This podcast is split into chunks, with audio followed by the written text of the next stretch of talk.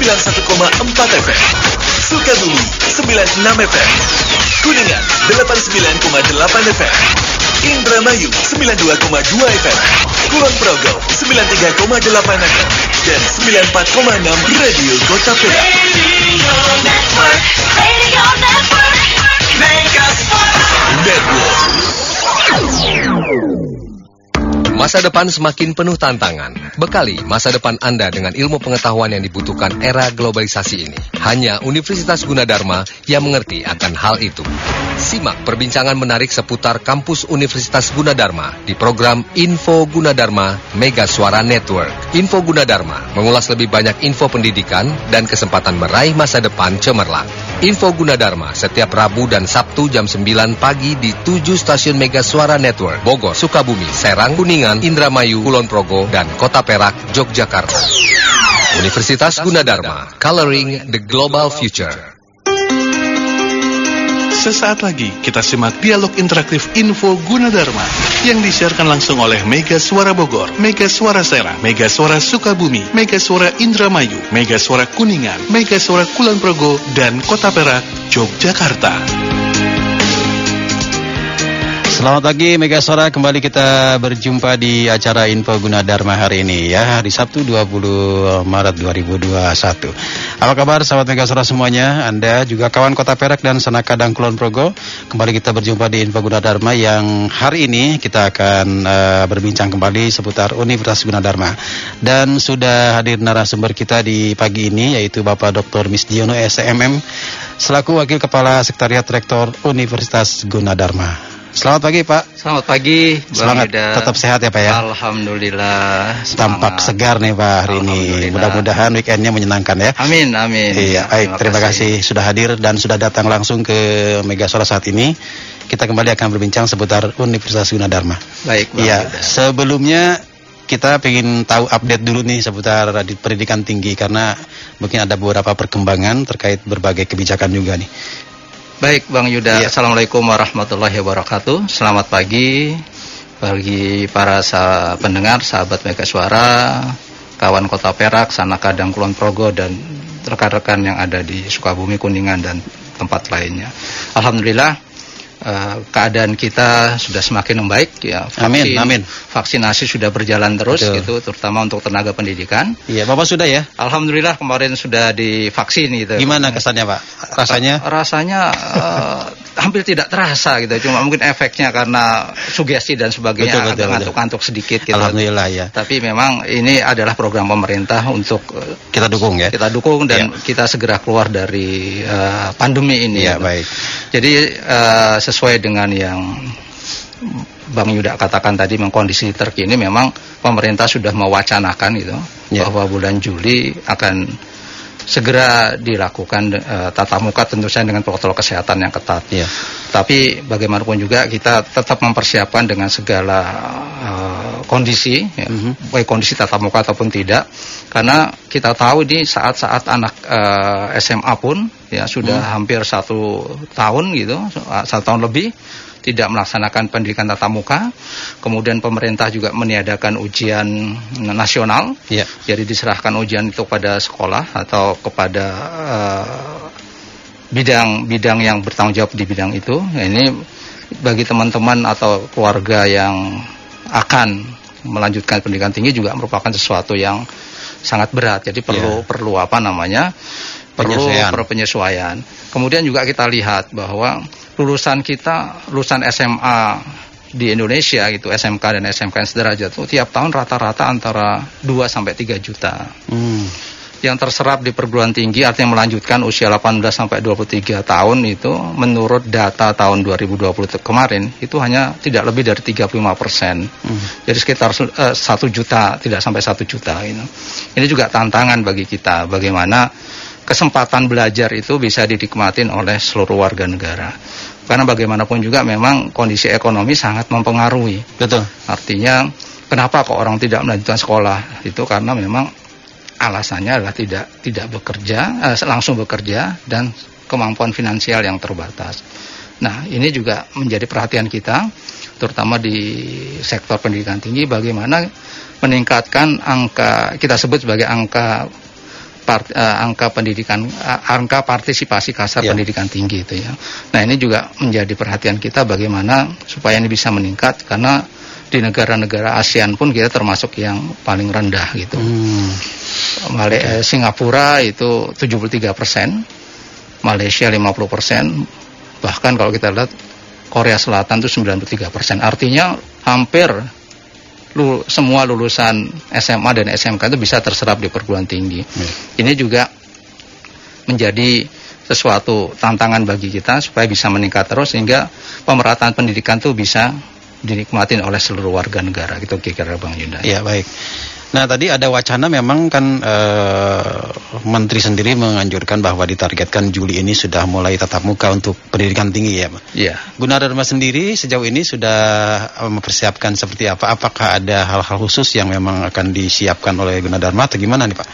Jadi jauh sebelum ada pandemi pun sebenarnya Ya. kita sudah mempersiapkan hal-hal yang berkaitan dengan pelajaran tatap muka dan tidak tatap muka. Ya. Jadi mungkin sejak 10 atau 15 tahun yang lalu kita sudah punya satu platform pembelajaran Mhm. di samping tatap muka kita juga mempersiapkan namanya uh, V-class jadi kelas virtual. Virtual kelasnya ada virtual ya? kelasnya Iya. ada. Jadi kalau misalnya dosen berhalangan datang gitu atau eh, karena tugas dan satu lain hal, pelajaran tetap bisa diberikan melalui namanya virtual class. Hmm. Nah berkaitan dengan pertanyaan Bang Yuna, bagaimana kesiapan Gunadarma? Gunadarma sangat siap dengan kondisi apa pun karena kita sudah terbiasa menyiapkan eh, contingency plan termasuk Ya. bagaimana kita membuat satu kelas misalnya bisa dari segi aturan dari physical distancing dan seterusnya kita bisa menyiapkan dengan baik dan juga praktikum-praktikum yang berkaitan dengan itu kita sudah siap semua. Insya Allah sih Baik. kalau itu di ditetapkan oleh pemerintah ya kita karena sebagai eh, institusi yang mengikuti regulasi pemerintah tentu kita insya Allah siap gitu Mas Yuda ya. Baik. Bang Yuda. Jadi Gunadarma sudah siap dengan berbagai eh, elemennya untuk mau yang mau daring maupun tatap muka itu sudah dipersiapkan ya. Insya Allah ya. Oke, jadi untuk Anda eh, sahabat Megasora, kawan Kota Perak, Sana Kadang, Kulon Progo yang tentunya juga mungkin eh, calon mahasiswa atau juga mungkin Bapak Ibu orang tua yang saat ini bergabung untuk mendengarkan info Gunadarma, ya itulah eh, kesiapan Gunadarma dalam eh, menerima berbagai tantangan, penyesuaian dan sebagainya. Iya. Iya. Dari sisi eh, pihak Gunadarma sendiri sekarang eh, kebetulan kan sebentar lagi juga memang kita ada tahun ajaran baru dan sebagainya, ada juga beberapa hal yang mungkin eh, sedang di ini dan perlu diketahui oleh eh, pendengar. Gimana nih, Pak? Ya baik, jadi eh, dengan kondisi yang ada kita saat ini juga men- menyiapkan berbagai infrastruktur yang berkaitan dengan bagaimana bisa melayani masyarakat yang ingin masuk ke perguruan tinggi. Ya. Ya kita punya metode ya saat ini ya kami ya kami yang punya metode bahwa pendaftaran itu bisa dilaksanakan kalau mau datang langsung kami persilahkan tapi dengan protokol kesehatan yang ketat Ya. ataupun juga sekarang karena teknologi informasi itu berkembang begitu pesat kita juga menyediakan eh, kami menyediakan yang namanya pendaftaran online Hmm. jadi ya satu kali eh, apa namanya satu kali melihat eh, gadget atau melihat komputer gitu ya, Ya. mereka bisa melakukan tahapan pendaftaran pendaf- pendaftaran ini secara online dari tempat tinggalnya masing-masing tanpa perlu datang ke lokasi-lokasi yang memang terdapat eh, counter pendaftaran kami. Artinya kami memudahkan bagi masyarakat yang ingin mendaftar, misalnya teman-teman Kota Perak, eh, pendengar kawan Kota Perak atau Sanakadang di Kulon Progo atau yang ada di Kuningan dan seterusnya, tidak perlu langsung datang ke Jakarta. Ya. mereka bisa membuka website kami gitu, Ya. www Gunadarma ID. Nanti di situ ada pilihan ada pendaftaran Gunadarma ID 2021. Bisa masuk ke situ, bisa langsung melihat tahapan apa saja yang bisa dilakukan dalam rangka untuk mendaftar sebagai mahasiswa di Gunadarma. Jadi cukup mudah ya sahabat Megasora di mana pun Anda berada bahwa eh, memang kita sudah berbagai cara, berbagai fasilitas disiapkan oleh Gunadarma. Baik, eh, mengenai peminatan nih Pak, boleh nggak cerita sedikit yang di Gunadarma sendiri? Saat ini eh, tentu ada banyak hal-hal yang mungkin Bapak amati dan Bapak pelajari saat ini bahwa ada beberapa peminatan yang memang eh, misalnya ada yang meningkat, ada yang menurun, seperti apa nih? Ya, eh, sebagai perguruan tinggi swasta yang usianya sudah lebih dari 30 tahun gitu. Tentu saja kami selalu mengikuti perkembangan, Ya. menyesuaikan dan mengadopsi beberapa hal yang kami anggap bisa mendukung proses pembelajaran.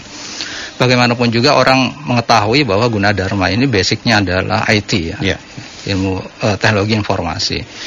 Jadi hampir semua bidang peminatan yang ada atau program studi ya, kami sebut program studi itu trennya baik gitu. Artinya minat masyarakat untuk menekuni program studi yang sesuai dengan passionnya, sesuai dengan keinginannya. Bagaimana tagline kami bahwa bisa meraih begitu mereka masuk ya tekniknya kita masa depan di saat ini karena memang saat saat mereka masuk pun kita kami akan membekali dengan beberapa eh, muatan-muatan teknologi Teknologi informasi, informasi. apa pun bidang program eh, program studi yang diambil.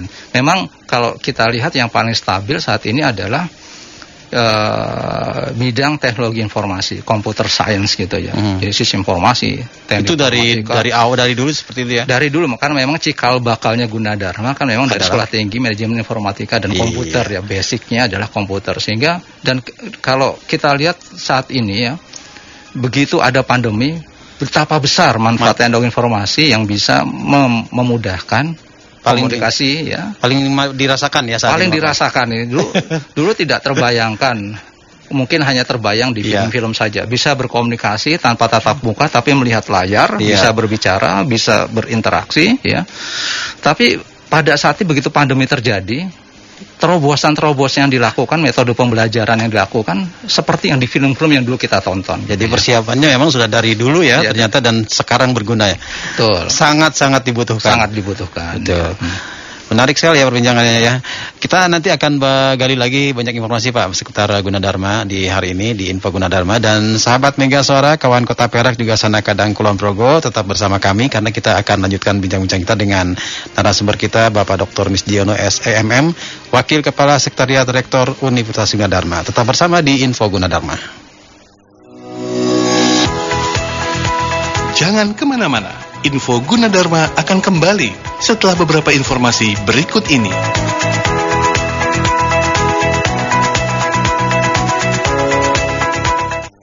Masa depan semakin penuh tantangan. Bekali masa depan Anda dengan ilmu pengetahuan yang dibutuhkan era globalisasi ini. Hanya Universitas Gunadarma yang mengerti akan hal itu.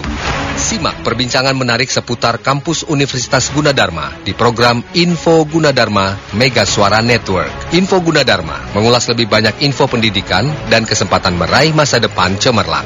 Info Gunadarma setiap Rabu dan Sabtu jam 9 pagi di 7 stasiun Mega Suara Network. Bogor, Sukabumi, Serang, Kuningan, Indramayu, Kulon Progo, dan Kota Perak, Yogyakarta. Universitas Gunadarma, Coloring the Global Future. Kita kembali di Info Gunadarma. Kembali kita di Info Gunadarma. Program ini disiarkan secara langsung oleh tujuh stasiun Mega Suara Network, yaitu Mega Suara Bogor, Mega Suara Sukabumi, Mega Suara Serang, Indramayu, Mega Suara Kuningan, Mega Suara Kulon Progo, dan Kota Perak, Yogyakarta. Baik sahabat Mega Suara dan juga kawan Kota Perak serta Sanak Kadang Kulon Progo, kita masih bersama narasumber kita di Info Gunadarma hari ini, yaitu Bapak Dr. Bapak Dr. Misdiono SMMM, Wakil Kepala Sekretariat Rektor Universitas Gunadarma.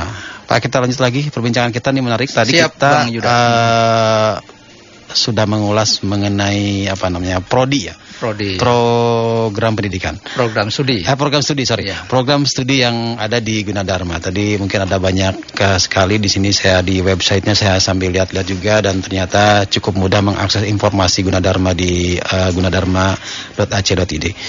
Silakan, Pak. Ya, jadi begini, eh, sahabat Mega Suara, kawan Kota Perak dan Sanak Kadang Kulon Progo. Kita eh, semua mengetahui bahwa di Indonesia ini kan perguruan tinggi banyak sekali. Tercatat laporan eh, Kementerian Pendidikan Tinggi atau pada saat itu Kemenristek ya, tahun 2018 ada hampir 4.800 perguruan tinggi Hmm. terdiri dari perguruan tinggi negeri, perguruan tinggi swasta, perguruan tinggi keagamaan, dan perguruan tinggi kedinasan.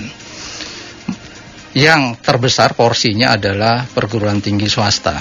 Ya. Itu hampir 3.800 sekian. Banyak sekali ya. Banyak sekali. Dan Gunadarma sebagai salah satu perguruan tinggi unggulan nasional, kontribusinya sudah tidak bisa tidak eh, diragukan lagi. Ya. Ya. Kami di masa pandemi saat ini pun kontribusi kami gitu ya, Ya. me- membantu pemerintah menciptakan satu peralatan robo helm, ventilator dan sebagainya sebagai eh, wujud kepedulian Gunadarma kepada pandemi yang dialami tidak hanya di Indonesia ya, tapi juga di seluruh dunia. Cukup produktif ya Pak ya. Cukup produktif. Nah, nah berbicara tentang, tentang pro- program studi, ya, hampir semua program studi di Universitas Gunadarma yang seperti saya sampaikan di awal tadi berbasiskan IT, berbasiskan teknologi informasi. Karena bagaimanapun juga kita dalam kehidupan sehari-hari dan saya yakin di masa depan pun tidak akan bisa lepas dari peranan atau bantuan teknologi informasi. Sangat jelas itu sekarang sudah mulai dirasakan ya. Betul. Banyak sekali aplikasi teknologi yang harus kita gunakan. Betul.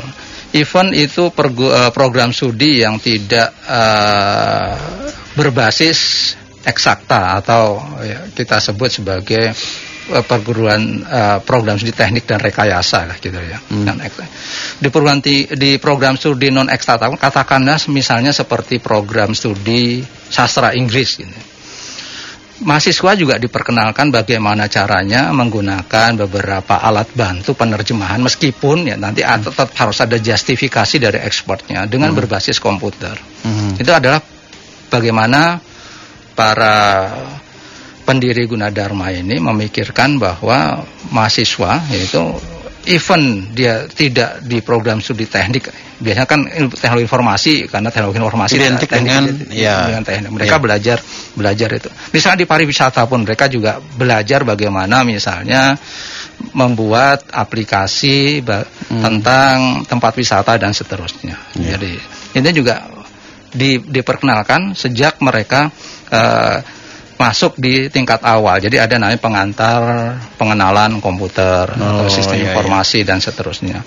Itu kami membekali mahasiswa dengan eh, muatan-muatan teknologi informasi agar mereka ketika nanti selesai ya, lulus dari tempat perkuliahannya mereka bisa terserap dan cepat adaptif atau beradaptasi dengan lingkungannya.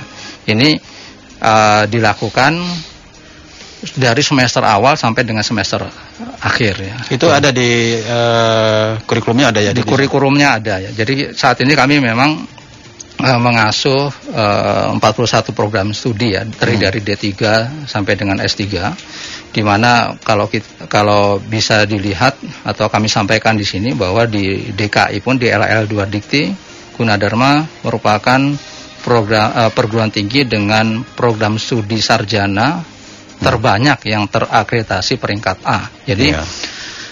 meskipun dibedakan perguruan tinggi swasta, perguruan tinggi negeri, kedinasan, perguruan tinggi agama, untuk status atau predikatnya Mhm. semua diatur oleh eh, kementerian melalui Badan Akreditasi Nasional.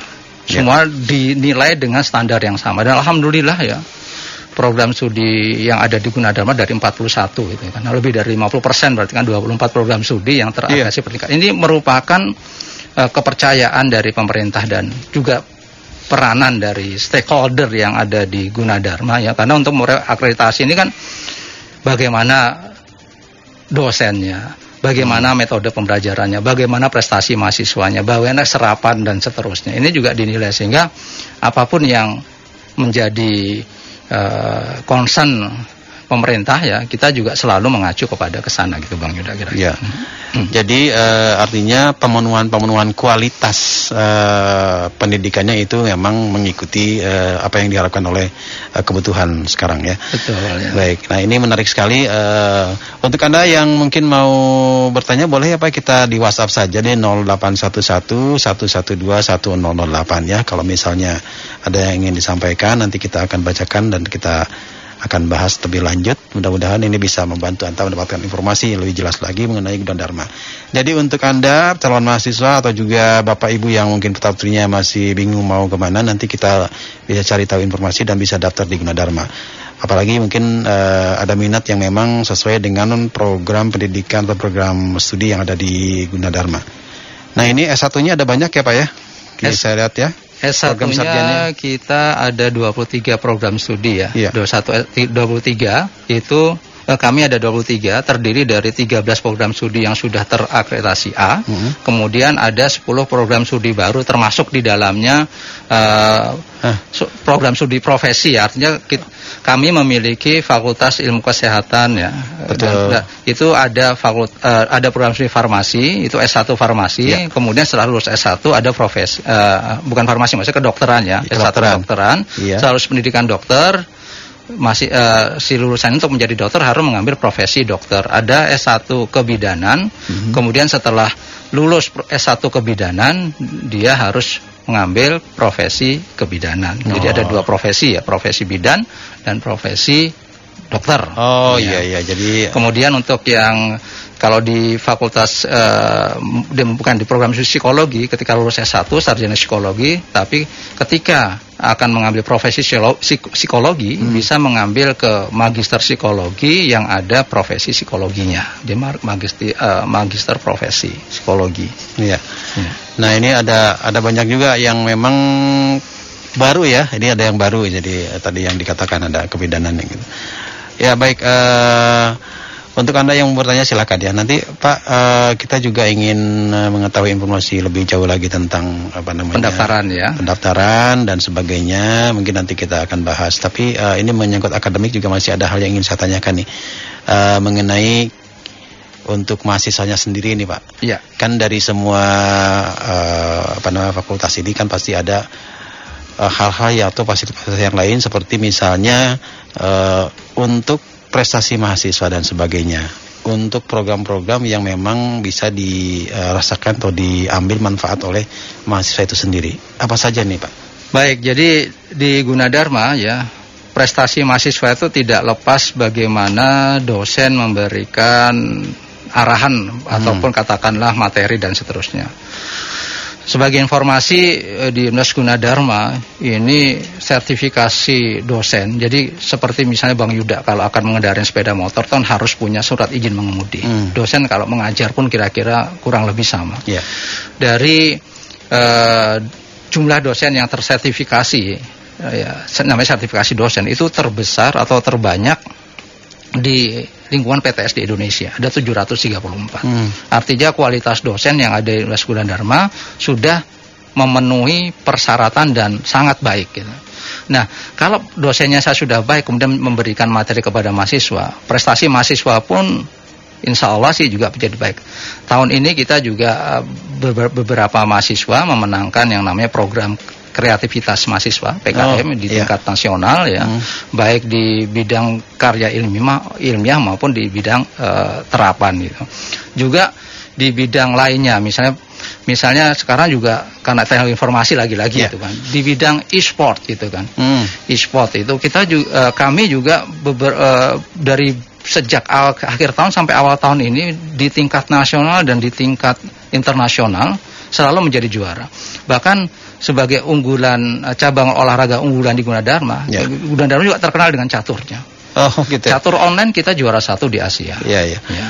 Itu juga lu- luar biasa memang. Eh, ini adalah bagaimana mahasiswa bisa membagi waktu di samping belajar, ada beberapa kegiatan atau orga- organisasi kegiatan mahasiswa yang bisa diikuti untuk mengasah tidak Iya. hanya hard skillnya tapi Betul. soft skillnya. Hmm. Nah ini juga dapat kami sampaikan di sini bahwa pimpinan Nus Gunadarma sangat memperhatikan akan hal itu. Jadi bukan semata-mata dari sisi akademiknya baik, Ya. tapi dari sisi non akademiknya, attitude dan sebagainya kurang baik. Itu kita perhatikan, Ya. kami perhatikan. Sehingga ada pelajaran soft skill, ada pelajaran hard skill yang semuanya diberikan sesuai dengan porsi agar si mahasiswa kelak ya. Sekali lagi kita siapkan karena sudah ketika akan terjun ke dalam masyarakat dia menjadi sudah tidak canggung ti- tidak kagok lagi Hmm. paduan suara kita paduan suara kami gitu. itu sudah sering ya beberapa kali diminta bantuan di beberapa kedutaan besar untuk menyanyikan lagu nasional dan beberapa uh, karena ini masa pandemi sehingga kompetisi tidak ada kalau kompetisi ya selalu lah itu menjadi menjadi uh, sidit gitu ya menjadi selalu menjadi unggulan dan be- dan beberapa tahun lalu di kompetisi nasional eh, internasional di Korea di Eropa itu juga alhamdulillah eh, mendapat eh, juara satu gitu. Jadi kegiatan non akademik juga eh, di Gunadarma banyak ya, jangan khawatir. Kan ada mahasiswa yang mau nanti saya di situ belajar ini mulu, yang hobi saya nggak tersalurkan. Tenang, banyak ya saluran penyaluran minat bakatnya banyak. betul ya. Betul. Oke, sahabat Megasora dan juga kawan Kota Perak, sana kadang Kulon Progo, kita akan lanjutkan lagi kebersamaan kita ya. Nanti kita akan berbincang-bincang lagi di segmen berikutnya. Tetap bersama di Info Gunadarma kali ini bersama narasumber kita Bapak Dr. Misdiono SEMM, Wakil Kepala Sekretariat Rektor Universitas Gunadarma. Jangan ke mana-mana, info Gunadarma akan kembali setelah beberapa informasi berikut ini.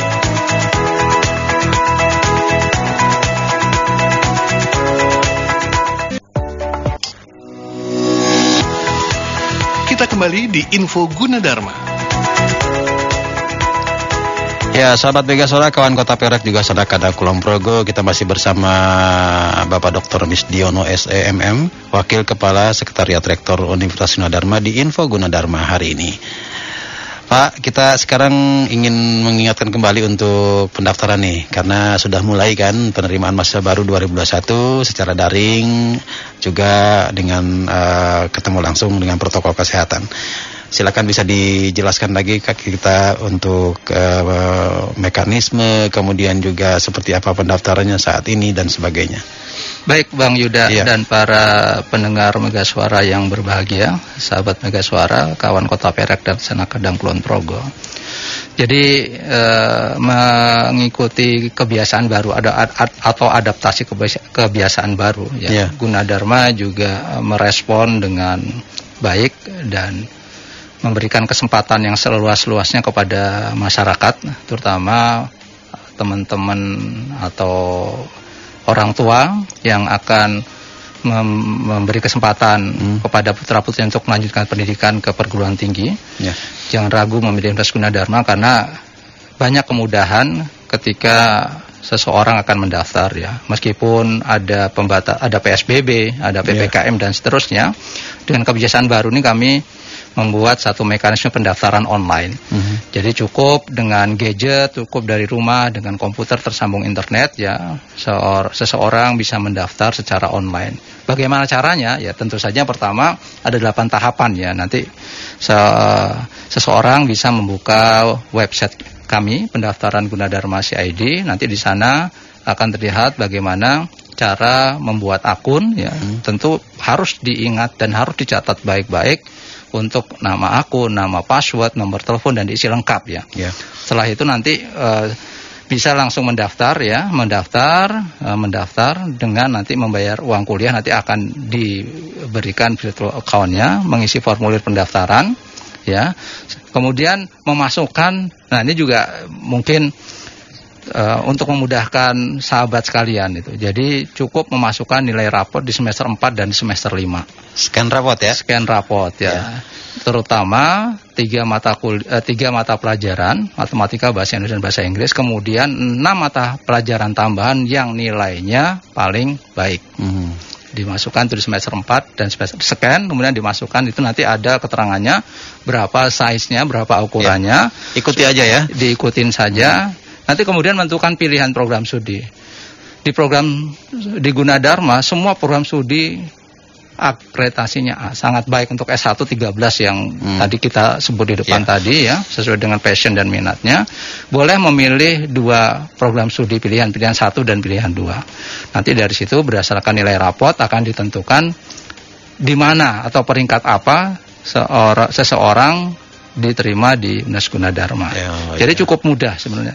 Apabila nanti dua-duanya juga eh, akan diberikan informasi. Hmm. Misal di pilihan satu nanti di peringkat AA misalnya, kita hanya ada tiga peringkat AA, A dan B ya.